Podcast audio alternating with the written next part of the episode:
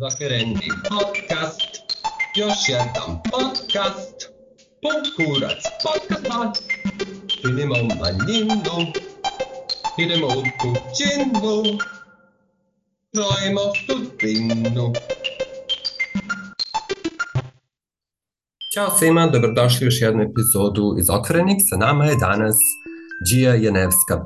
Ona dolazi iz Skoplja i trenutno je u Stokholmu u kom živi od 2021. godine, gde je otišla kada je imala 30 godina.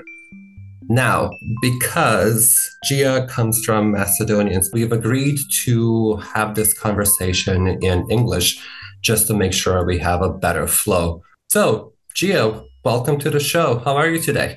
Thank you. It's an honor that you have invited me, and I'm glad that I'm here with you. I am amazing. The weather here in Stockholm today is very, very beautiful. It's sunny, it's 27 degrees, and we are celebrating midsummer today. I hope you have a very festive day and that you don't have to Thank you. waste a whole day tomorrow because of your hangover. I don't I know that Swedes can party hard on weekends. Yes, we do. Which one would you prefer? IKEA meatballs or beans from Tetovo? Oh, let's see. That's a hard one. You, you see, like, I love beans. We call them tafcha gravche. So here I don't even eat that. So I would say the beans because I miss tafcha gravche actually, you know? and meatballs here, I can have them all the time. So we share our passion for beans. Next choice, uh, Mother Teresa or Esma Redžepova? Hmm, I would say Esma. You know, I'm I'm a music artist and I love music and uh so yeah, Esma because she's also she was very charitable and uh, her vocals were just amazing and she's she's a very very respected figure in my country. Now, you already mentioned that you're an audio artist. That's why I'm asking you the following question. What sound do you associate with Macedonia? I don't really know what sound I can associate with Macedonia. I guess it's the folklore music. Now, for those of who do not know, Gia was like a contestant on an X Factor Adria as an out trans woman. So not only is she talented, but also very brave. But let's build up to that moment by starting from your childhood. So tell us about your upbringing and understanding of your sexuality through space and time. Oh, so my childhood was uh, kind of rough, and I feel like I had to grow up much faster than the other children who were at my age at the time. Um, I grew up in a suburban area in Skopje, which was very conservative. I mean, the whole country was conservative at the time. It's just now that it's more and becoming slowly more and more open towards the LGBT community.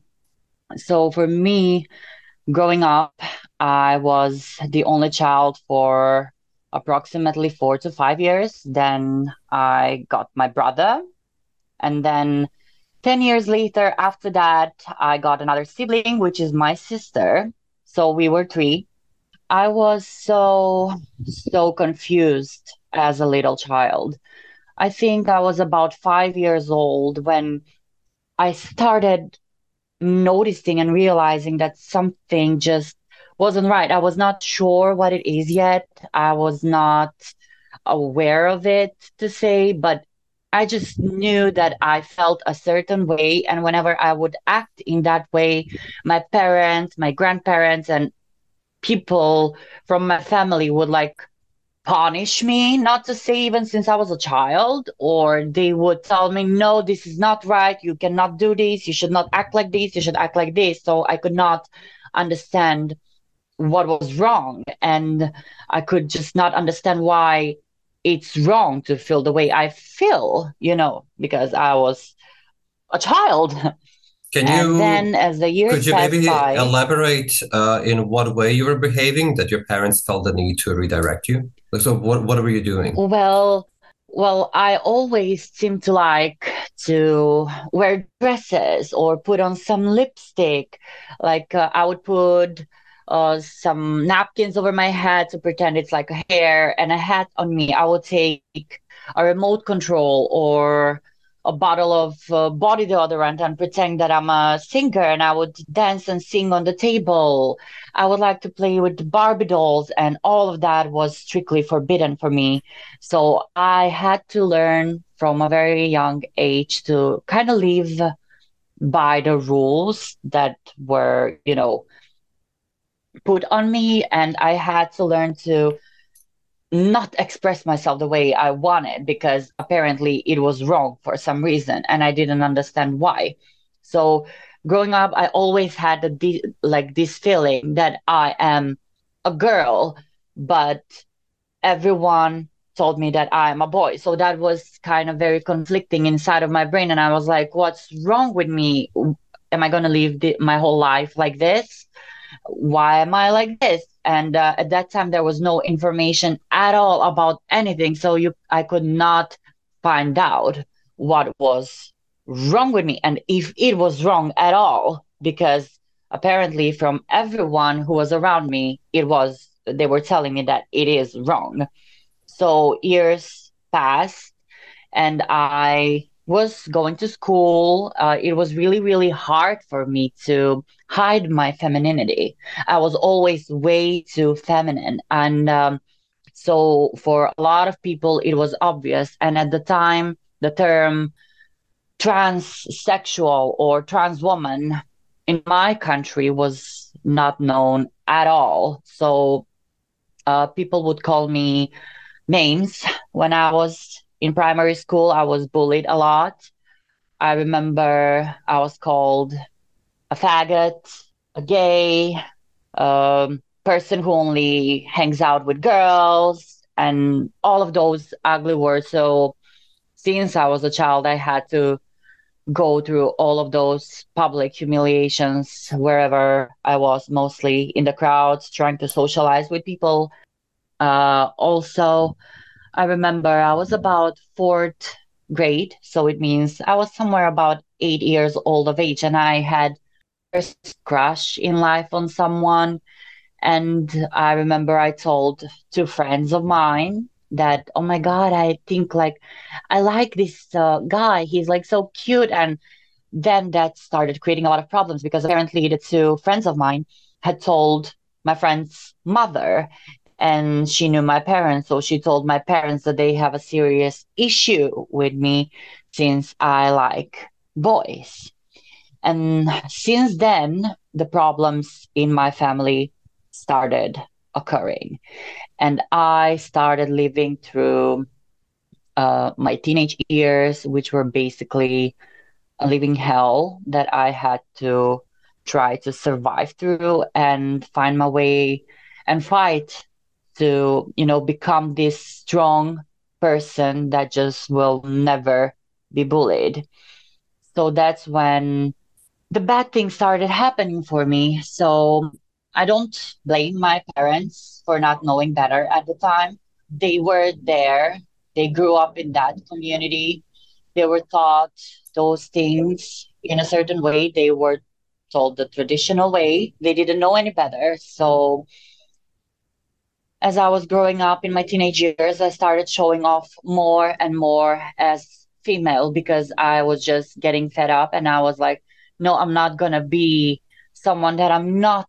And if I need, I'm going to stand up for myself and I'm going to be who I am and I'm going to do what I feel and I don't care what anybody says and I will rise above it. So this started happening approximately when I was the seven in seventh grade, when I was 13 years old I started becoming a rebellion. Since then, a lot of things started shifting for me. The situation at home was becoming worse. My father would be verbally and sometimes also physically abusive towards me.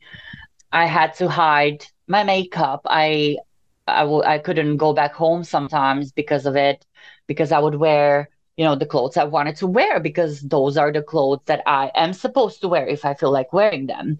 And you know, I started fighting back on the streets whenever I would get bullied. I would just get in a fight and fight back just so I show people that they cannot be in a certain way with me, that they cannot disrespect me.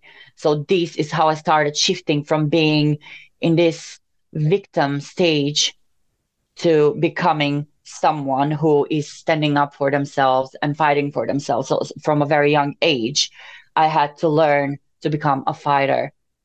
And despite all of that, I loved music and I loved singing. So when I was about to start high school, when I was 15, I started realizing that my talent is really great. And a lot of people were noticing that. My music teachers that I had in primary school and the music teachers that I had in high school also. And that's when I started. I think I need to go public and I have to follow my dreams, which was to become a music artist, a singer. So when I was 15 years old, I auditioned the first time for a local music show in Skopje. And uh, I got in right away when they saw me and when they heard me uh, sing. Uh, the, my, I remember my first audition was me singing my favorite artist, Christina Aguilera, and I was singing Hurt. So they were wowed by my vocals. And the thing that surprised me was that they didn't even care in a bad way that I was different from the other candidates. They kind of liked it. They thought I was the perfect fit for show business. So when I was 15, I went publicly on national TV and started talking about how I feel, who I am, and also I showed my vocal abilities. And this was accepted with skepticism for me, from many, but also I got support from others. Since I was so young, I couldn't, you know, have the flexibility to do everything that I wanted and to express myself as I wanted since I was still not 18. And my father would uh, try to sabotage my career and me going out public because that for him was considered considered like degrading and humiliating and embarrassing and also by just singing i was told that I'm never going to be successful, that no one would ever want to hear me sing, that I can sing, that I should not be on TV, that no one's going to vote for me if I go into competition. And I was told that all by my parents. And I had to deal with that. And I remember I was so broken and I cried so much, but still, I got it in my own way because I'm stubborn. If I want something, I just go for it. And I did actually get to the finals, and I was one of the winners of the show. And I got to record my first song. And um, when I was 15, so I, I got into the studio, I recorded. Then I remember with that song, I went, you know, there is this festival every summer in Macedonia in Ohrid. It's called Ohrid Fest. And uh, that's where you have a lot of artists from Macedonia performing. And I went on that festival with my song that I recorded from the competition. And I actually won an award for the best debut of the festival for that year. And it was such an amazing moment. And it seems like through the night, I just got this fame. I was all over TV. I was in the newspapers. And since I was still so young and naive in kind of a way, I didn't know how the show business works. The media uh, used so much of the things that I was saying and they would cut off stuff. So they would just make me look like a freak and they would position me in a certain way or ask me to say certain things that would make me just look very, very controversial. And first, I didn't care that much at first, but then I just started playing their game and I knew that it would probably lead me to some place that I just want to be at at one day. So a significant event happened for me after this festival. I was finally feeling that I'm being relieved. I could finally, at least as an artist, be someone who can express themselves. You know, artists have the freedom of expressing themselves in certain ways that other people can't. So I was like, okay, now I'm an artist and okay, I'm winning awards. I can do this. People like my voice. But then something happened that when I got back home, so happy that I have won, that I had this bright future for me in my vision, in my head. Uh, I got uh, physically abused by my father because I have been attending the festival. And that was very, very heartbreaking for me. So for some time, I retreated from the music business. I was still giving interviews sometimes from time to time, trying to maintain something. But I knew that until I turned 18, I was not going to be able to just do what I want to do because I was unfortunately living in a very conservative society. And my family was also un- unfortunately conservative. So during this time, my teenage years were very up and down. High school was also up and down. I started making a lot of friends though. Um, I started getting more accepted by the people around me in the society. But my situation at home was very, very bad. And then I turned 18. And I remember that I was like, okay, this is my moment. Now I am free. So that's when I started recording again. I got in touch with the people who worked with me and we started doing music videos and new songs. And my music videos as a way for me to rebel against how suffocated I have been were a little bit more controversial for the time. And I don't regret it to this day and i knew that there is a lot of people who probably felt a certain way that are that they are different and or either they felt that they are similar to me or maybe they had another type of problems in their life that are not connected to this at all. But i knew that my story and my fight is inspiring people. And it turned out to really be that way looking back now at my life. So I started recording. Everything was going smoothly for me for some time until the things at home broke off again and I had to leave my home at the age when I was, I think, 21 years old. I uh, was sleeping at friends' place, staying at motels, like people were helping me. Some of the organizations for human rights in Skopje were helping me at that period. It was really, really tough period for me. So I basically hit rock bottom and uh, I didn't even have money for food. Uh, my cousins were helping me. I remember I had a friend that she allowed me to stay over in a room that she had at her attic. So that's where I live for quite a few months.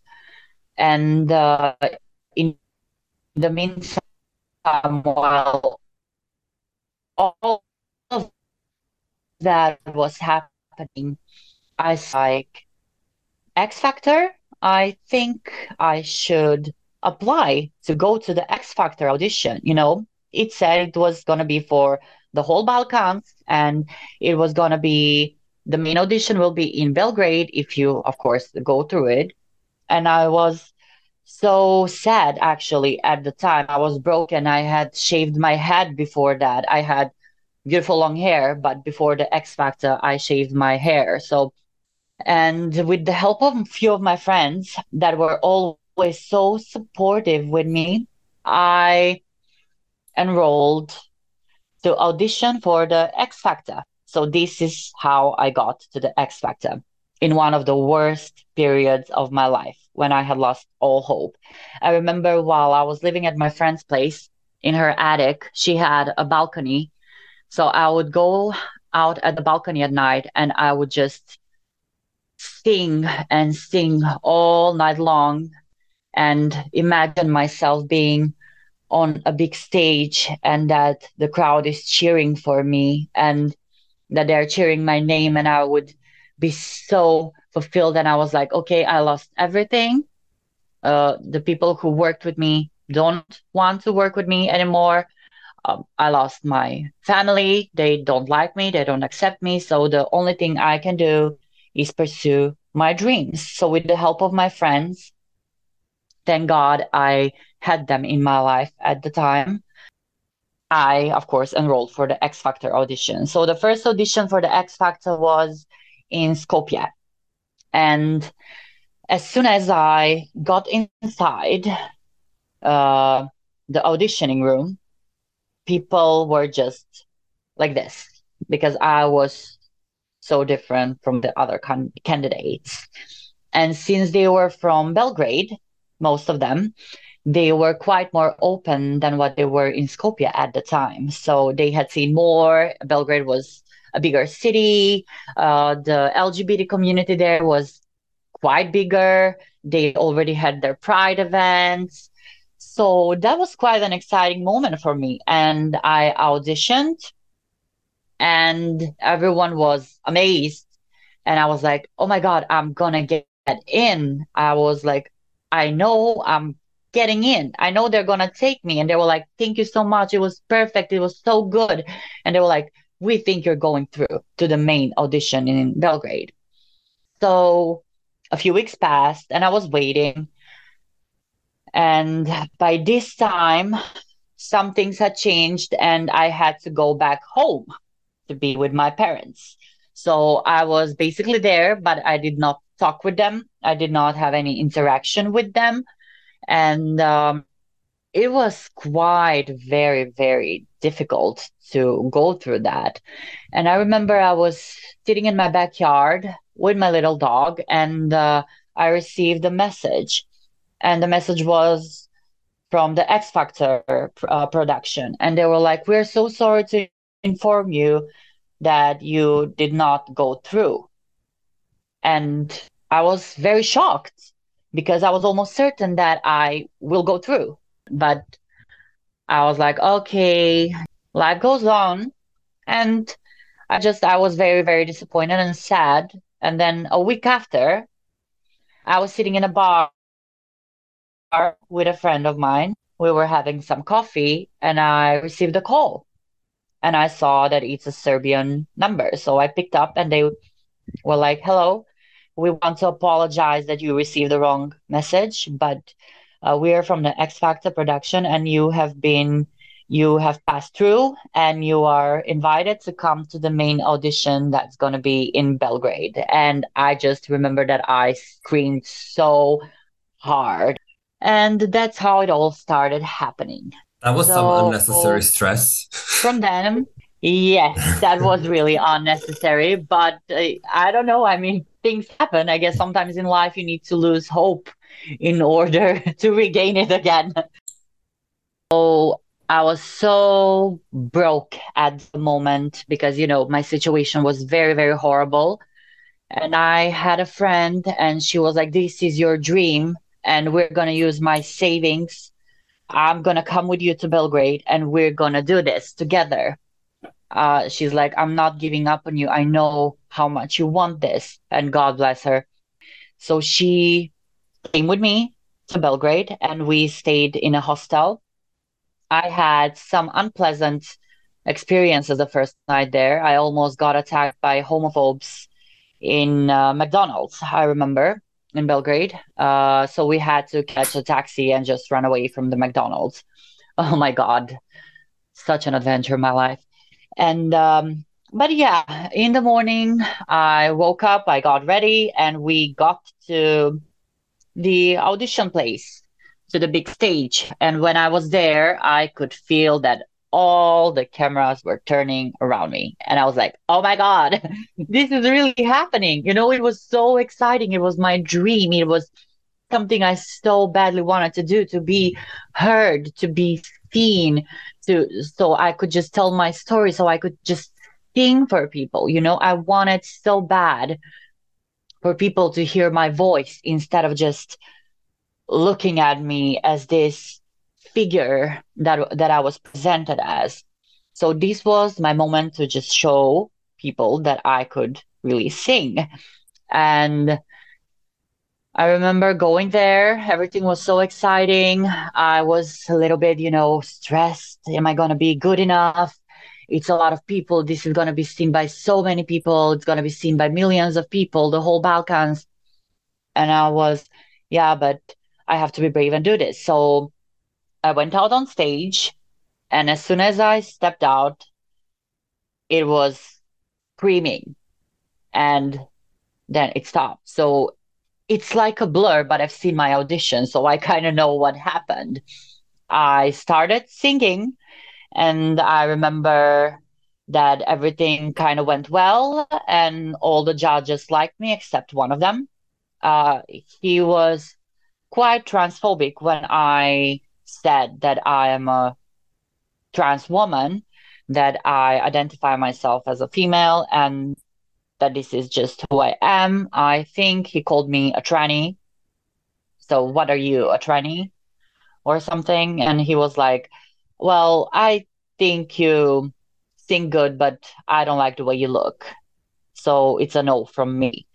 So, I was like, Okay, that's, you know, I didn't really even get angry because at this point of my life, I was so used to being discriminated and uh, people not being able to understand me. And I passed. So the X Factor was a big, big part of my life and of me becoming who I am today. I learned so much there. I met so many beautiful, successful, smart, and intelligent, open minded people who helped me to realize my talent, to work on my talent, to work on who I am, to be proud of who I am, and to just accept and and roll everything together so that I can use it in my advantage. And I remember going through the show, I knew that it was not going to be an easy journey because first of all i was supposed to go as a solo artist because they knew that i am a solo artist and that i am vocally very very capable to achieve what i want to achieve when i'm alone but because i guess it's the balkans they apparently didn't know either to put me in the males or the females since I identified as transgender. So they, in order to keep me, had placed me in the bands, and they created a band of me and another girl uh, that unfortunately we were not vocally, you know, going well together. We had very, very different vocals that were just not gonna match in any way. So I knew at that moment that this is not to work. And it turned out to be that way. But it was still pretty much a success for me. Uh, after that, I continued like recording. I had a lot of TV appearances, a lot of media coverage. I was basically all over the place. And because of the discrimination I got from one of the judges, um, it became like very, very popular all over. I think even Huffington Post had a whole storyline. It was a very big scandal. As time went by, I got to be who I am. I got to dress as I wanted. I got to have my stylist doing my makeup. It was an amazing experience. Then I uh, started performing as a solo artist, I remember, on one of the main concerts that we had in Skopje. But then, as life is, things happened and things went into a downward spiral for me again. We cut off the contract with the production. Something's happened internally there. I don't know what, and I'm not even interested in that. But I was back at square zero. Mm. So the people that I was supposed to continue working with in Macedonia didn't want to continue work with me because I became a very controversial figure. The publicity that I got and the fame that I got got me into, let's say, how do I say this? The government didn't like me, even though I was just an artist. I guess for them, it was me representing a community and some ideas that they didn't want to be presented. So I was publicly discriminated in the parliament by the government at the moment that was in Macedonia. and by one of their members uh, saying very bad things for me in the parliament in front of millions watching on TV. So this got very bad reputation for me in a way. There were people trying to stand up for me also, but I just felt like it was too much pressure to bear. I was like, I'm just an artist, you know, I am singing, doing my own thing here. Why do you have to mix politics with me? What do I have to do with anything that you like or don't like? Like, just leave me alone. Uh, at that point, when the X Factor finished, and when I was supposed to go back to Macedonia, a lot of bad stuff started happening to me. It was cults that started messaging me and threatening me that they're gonna murder me. And it was just so many bad things, one after another, that for me, the only solution at the moment was okay, I lost everything. I just cannot make it here. It, it seems like every time something good happens, something even worse happens after that for me over here. So I was like, I have to just pack my bags and leave. I had a friend who lived in Stockholm, in Sweden, and I contacted him and I said, Look, this and this and this is happening to me. I just cannot be here anymore. Uh, I can't stand this. My life is in danger, and the government doesn't even like uh, like me. The worst thing was that uh, so many of those transphobes and homophobes in the government were actually gays or people who like trans women, but publicly they would assault you and humiliate you. And that was the most fascinating things for thing for me that I just could not understand how the human mind can work in a certain way. So what I did was I just packed my bags and I left. And I said, I'm going to leave and I'm never going to look back. And I, I came to Sweden. Uh, it was 2015, the beginning of 2015.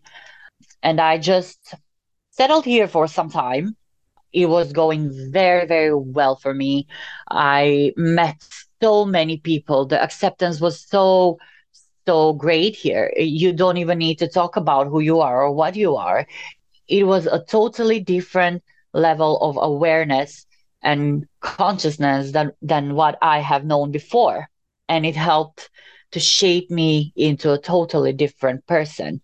I got to perform on a lot of pride events in Sweden. I got to record documentaries. I got I, I was able to tell my story, speak my mind as it is. Um, I got so much support from the main human rights organization here. And uh, it was just amazing. Everything seemed to be going smoothly, but because I was on a work permit, unfortunately, my work permit got declined at the end. So I left when I went back to Macedonia, most of the things, because it was four and a half years that I was away uh, had al- already changed. So a lot of things were changed. The government had changed. They had their, uh, I don't know how they called it, rainbow revolution or something. My family had changed. So when I went back there, it was like another life. For me, personally things were very much positive now. And i was like okay until i fix things i can stay here now and i can feel safe. And that's how it actually really really was. From that point on everything had changed. My parents completely had changed. I have the most amazing relationship with my mother and my father and with all of my siblings it was amazing how people can, you know, transform. So I realized that people really can change when they start to learn some things, when they get educated about stuff. Because what I focused on the most when I was in Sweden was whenever I had a public performance that I knew was going to be watched, I would give a speech. So I educate people on how to treat other people or you know the acceptance and all those kind of things so i think that was a big part of me switching the mentality in my family and helping to switch the mentality in a lot of people in my native country. And time passed. I packed my suitcases again and I came back to the place that I call home, which is Stockholm. This is where I feel the safest. This is where I can be independent. This is the place where I can do anything I want. And I just love it here. This is my place to be. At the moment, I am at peace with myself, at peace with who I am. I get to, I got to transition to do everything that I couldn't do back in my country. I am satisfied, independent, and happy. I'm so happy for you, and I'm sure you're a great role model. But it seems like you are being very self-deprecating in regards of what it took to get you to that place. I would like to commend you for your bravery because you've shown it several times along your journey. And like speaking of the transphobic judge you had to face and you thank you. You you didn't mention that you actually stood up to him. You didn't just stand there on the stage uh, being broadcast uh, across the whole region suffering insults. You actually had a comeback to him which was which took a lot of bravery. And then you mentioned how you were bullied uh, in high school and how you decided to stand up and fight even physically before you yeah. found your talent which takes a lot of guts so would you be able to identify your source of such tremendous bravery i think for me being brave was the only way to you know get out of that situation because i realized that you're either gonna be brave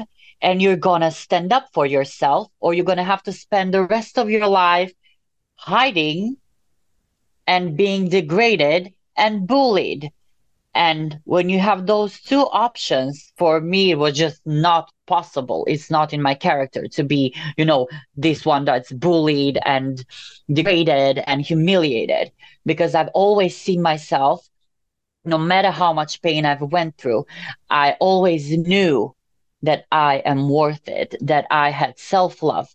I think that's where the root is, you know, for me being brave, and, not having a choice, having to be brave was there. Mm, yeah.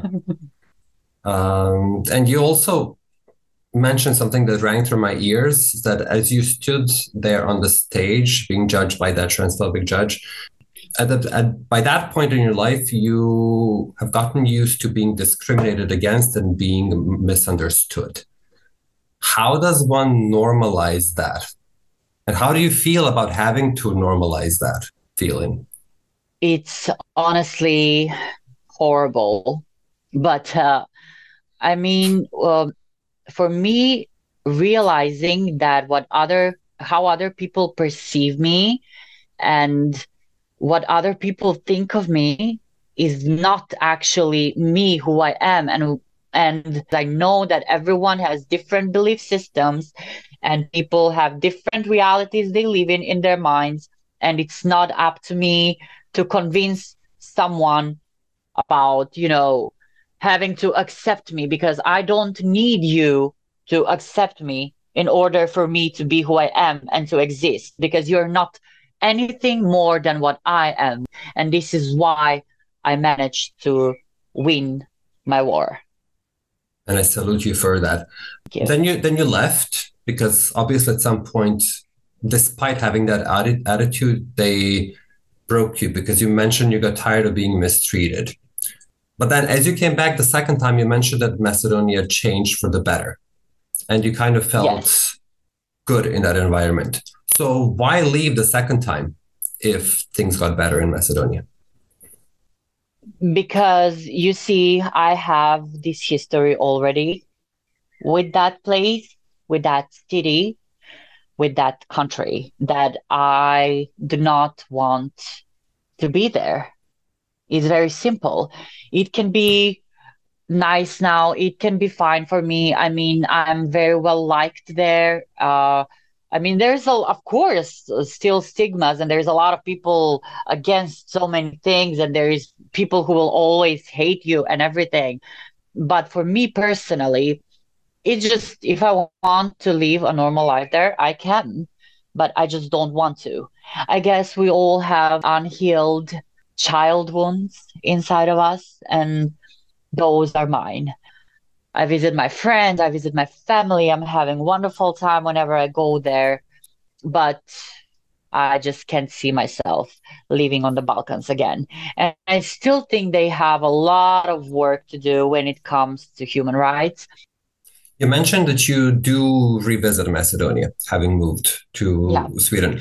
Is there anything that you must pack and bring with you back to Sweden from Macedonia? Oh, let's see. Rakia. Mm, good choice. rakia is the thing that I'm usually taking. yeah, rakia is the thing that I'm usually taking because here in Sweden, uh, you literally have everything you need from the Balkans. So it's like not in the stores here, you can find all the Balkan products, even the Macedonian Mama's Ajvar and Burek every day they're making fresh burek in the shops so it's like you know but rakia is scarce here you cannot really find it so if i get mm. the chance to get rakia i do that your life seems such a huge whirlpool of emotions and events exactly. especially the way your character is and in the setting it was developing in what was dating like for you in the oh Balkans? the dating world love it well you see i'm very very well liked by men i shall say but that does not mean that i have been lucky in love so one thing um, that i don't like personally is that i am mostly perceived as a fetish uh, in today's world that's the biggest reality for most of the trans women. But when it comes to love, it hasn't been an easy journey for me. Like, I mean, it's easy to date, honestly. At least for me, it hasn't been hard. But I've only had two relationships in my life. My first relationship was here in Sweden, not in Macedonia. I don't think uh, me being a trans woman is a problem in the dating world. I just think my luck in choosing partners was not as good. So at the moment, I'm single and I'm not thinking about having a relationship, nor I am focused on that. I'm focused. I'm focusing on myself, my growth, my healing, and my achievements that I want to achieve in life. And then if love happens, happens. And did you have a similar attitude when you were a teenager? No, I did not. I mean, um, I feel like I was longing for love when I was a teenager, much more. And I felt like no one would really like me, that I would never find a partner because I felt I always felt that was different. But I, you know, I didn't feel so much love from my family. So all of those things when I was a teenager, it was hard growing up. Well, doing some research, I noticed that you looked quite feminine even before you transitioned. And I was just curious, were there any instances where you where a guy was misled by your appearance and if there were any funny reactions when they learned the truth about your identity? In in my case, since I was a public figure since I was 15, that has never been the case. Mm-hmm. So any guy who had been hitting on me or who had liked me, they always knew who I am. So you mentioned that over time your parents started accepting who you were. So how did it feel when you told them you're leaving for good? I remember they knew that I, even though it's better for me, like there at the moment, that everything, they knew that I don't want to stay to live there. And they did not want to stop me. They were supportive with that. They were like, if you feel you want to go and you're gonna feel better being in Sweden, than just do it. And we're okay with it. And they always make sure to assure me that whenever I want or if I need, I have a place to go back to if I change my mind. So they were supportive of me. They were kind of sad because now the things between us are very changed. It's the totally opposite of what it had been through my childhood because now I love my parents, I love my father, and I love my mother. Um, and we have this strong connection now. But they just knew that for me personally, it's better that if I am not there because uh, there's so many memories that I just don't want to live with from Macedonia, and I would get sometimes very sad or you know i've had problems also. I didn't mention that but i had problems with being depressed and having anxiety attacks. Even though now when everything was fine while i was there it seemed like something just haunted me and i would have a panic attack. And i remember my mother would cry with me. They would calm me down. They were also disturbed by that. You know sometimes it happens like when life calms down and when you get out of that storm, that's when you feel the consequences. And for me, in my case, it was like that. So the thing was just to focus on myself, work on myself. And the most important thing for me right now in my life is just peace and quiet before everything. Speaking of peace, how pronounced is your Macedonian mm. or Balkan identity in Sweden? Oh, I don't know. I've never really had a typical Balkan mentality. I think that's why I never even managed to fit in into the Balkan society so well. I was always more Western. I mean, I'm kind of so used to being here and I'm so used to how the system in Sweden works that I'm kind of not okay with a lot of things when I go back to the Balkans. So yeah, I don't the, think you have I a reverse uh, culture shock. Yeah, it's most probably that. Uh, because I also like it more here, maybe in a way that everything, how everything functions, everything is settled, everything is calm. Uh, you wait for something, but you know you're going to get it, whatever it is. So it's different. And when you go down to the Balkans, people are just used to living in this chaotic lifestyle and they don't even realize how chaotic it is because that's all they know. But once you get out of that chaos and you see that there are societies where everything is settled and it's maybe not perfect, but it's functional in a way, you just get used to it and you accept it. Do you miss the language? Not really, because I mean, I talk with my friends almost every day, so I just speak Macedonian mm-hmm. a lot of times. I have Serbian friends, for example, here in Stockholm also. I speak Serbian with them. So you're a part of but I mean ex Yugoslav diaspora over there. Yeah, exactly. and there is a lot of us here. Would you say that you socialize more with that diaspora or with local people? No, well, I have quite a mixture of friends. And it's i'm not the type of person that i'm just uh like i'm from the balkans and then i'm just gonna have like these balkan friends or be more with them. I'm kind of somewhere in the middle. I do have people that i know from balkan that i sometimes socialize with but i also socialize with a lot of swedes with a lot of people from asia from like because stockholm is such an international city and there's people from all over the world living here in stockholm. And I have friends basically from oh, I don't know everywhere. You mentioned you you gained a lot by emigrating to Sweden, except for access to rakia. Is there anything else that you miss? Exactly. you know, to be honest with you, like I am a food lover. Like I love food. And I am not so good in cooking.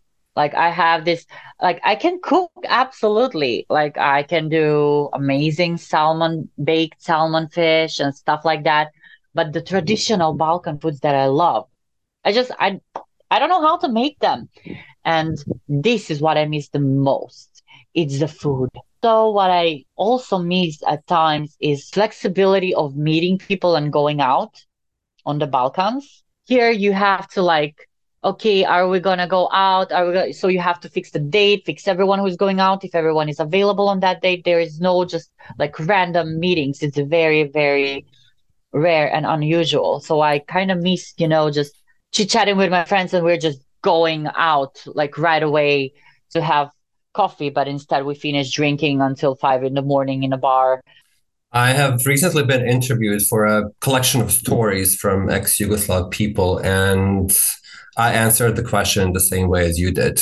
I was like, when I'm abroad, I miss having people around me who don't have a calendar, who can just exactly, be spontaneous. Yeah right there's no spontaneous here there's everyone is scheduled everyone is on that calendar and you have to fix like for example now my birthday is coming on the 1st of july and i had to well like tell my friends and everyone forward like at least a month forward so they know who is available on that date and how and also with, that we can gather and go and celebrate you know and when i was in macedonia you just don't do that. You like tell people two days uh, like before your birthday, like, hey, it's my birthday, come everyone, we're going to that bar. So like everyone is, you know, coming. So it is quite different. It is quite different in those things, but yeah, that's one thing that I miss. And for the end, do you have anything to say to people in Macedonia? I do. I hope that they will start opening their eyes and their minds and their hearts and if they manage to accept the fact that differences exist and that it's okay to be different, it would be much easier for all of them to go through that whole process of acceptance. I would also like to tell people that it's okay to be who they are because I know a lot of them still hide who they are from all of their friends and all of their families and they live double lives uh, so I would like to wish them the courage to be free, not to living a fake life and to hide.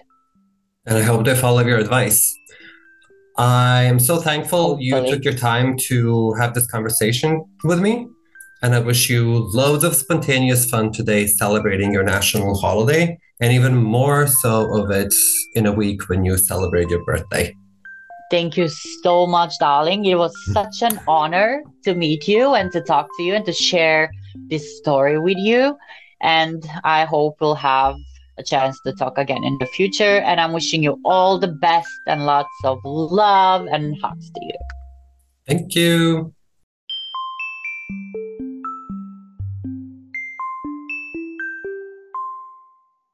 Izokvireni podcast možeš pronaći na sajtu izokvireni.com.